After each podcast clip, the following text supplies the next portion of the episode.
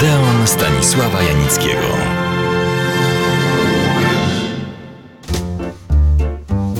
Czas świąteczny trwa, więc kontynuuję swoją opowieść o tym, co jedli i co pili i jakie obyczaje kulinarne panowały w świecie przedwojennego filmu i teatru. Korzystam ze wspomnień starego aktora Juliusza Lubicz-Lisowskiego, aktora zarówno filmowego, jak i teatralnego, oraz z rozmowy z nim przed laty przeprowadzonej. Wielkim smakoszem był bodaj najwybitniejszy aktor lat przedwojennych Kazimierz Junosza Stępowski. Przypomnę, sławny znachor w filmie pod tym samym tytułem, Mefisto w Panu Twardowskim, rosyjski profesor w Młodym Lesie i tak dalej, i tak dalej. Ale nas dzisiaj interesuje jego znawstwo kulinarne. Naoczny świadek i uczestnik tych wydarzeń, pan Juliusz Lubicz-Lisowski, takie opisuje. Junosza poważnie instruował kucharzy, kiedy solić mięso na bewsztyk lub, że nie solić pieczarek. Wkładał fartuch, stawał przy kuchni, czarował, robił z obiadu obrzęd. Nie wiadomo było już, czy chodzi o jedzenie, czy to sztuka dla sztuki. Pamiętam, że u Potockich w Jabłonnie lub u Radziwiłłów w Nieświeżu Stępowski jadł niewiele.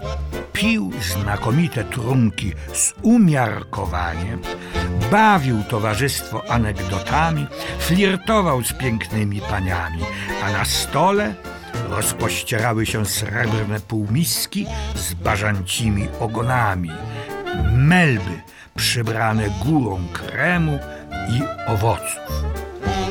Ale wydaje się, że najsmaczniejsze, najstaranniej przygotowane dania podawano w maleńkich lokalikach, gdzie przez okna zaglądały nas Turcje i nagietki. Na kraciastych obrusach stały fajansowe talerze, leżały sztućce oprawne w jelenie nóżki i gdzie świeżutkie masło miało delikatny rysunek kapuścianego liścia, w który zawijano je dla ochrony przed upałem. Wokół roznosił się zapach świeżo upieczonego chleba. Na deser jedliśmy aromatyczne maliny lub poziomki. Kiedyś zupełnie przypadkowo, wspominał dalej pan Juliusz Lubisz-Lisowski, a było to w pierwszym okresie niemieckiej okupacji, spotkałem na Starym Mieście pana Kazimierza, który z tajemniczą miną zaprosił mnie do nader nędznego lokaliku, składającego się z kilku małych pomieszczeń.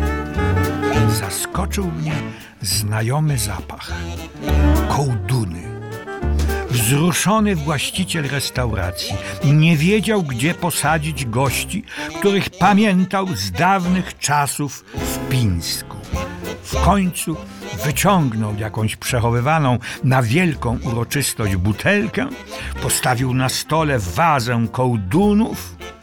Obaj z Junoszą zaczęli wspominać ryby prosto z Piny, rydze i borowiki, bo kto by tam jadł inne.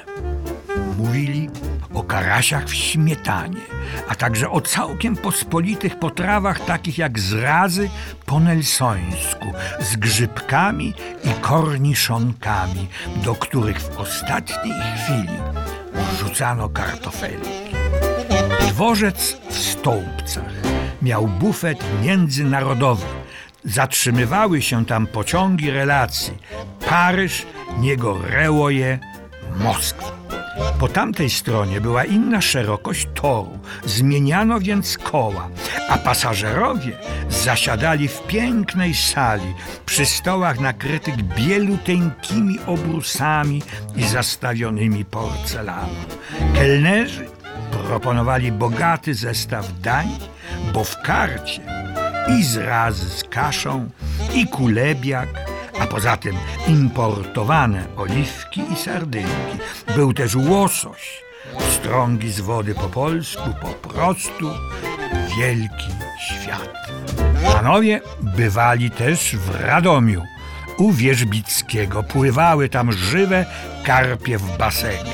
Junosza Stępowski wybierał odpowiednią sztukę i czekając, aż usmażą rybę, dysponował pod kieliszek starki cieniutki plasterek szynki po westfalsku. Dorzucę jeszcze raz opowieść mojego ojca, który też u Wierzbickiego w Radomiu bywał. Otóż właściciel restauracji, pan Wierzbicki, wymyślił sposób, jak najdłużej zatrzymać gości przyjezdnych z Warszawy przy stole.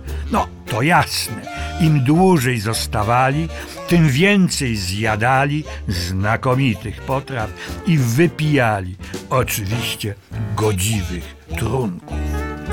Otóż nad oknami, na zewnątrz domu, pan Wierzbicki kazał umieścić rynny, a w nich wywierci i dziurki.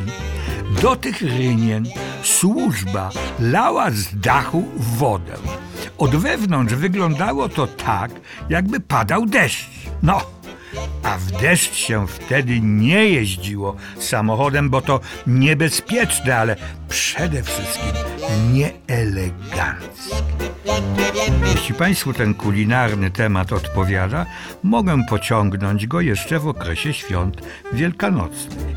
Już dziś zapraszam.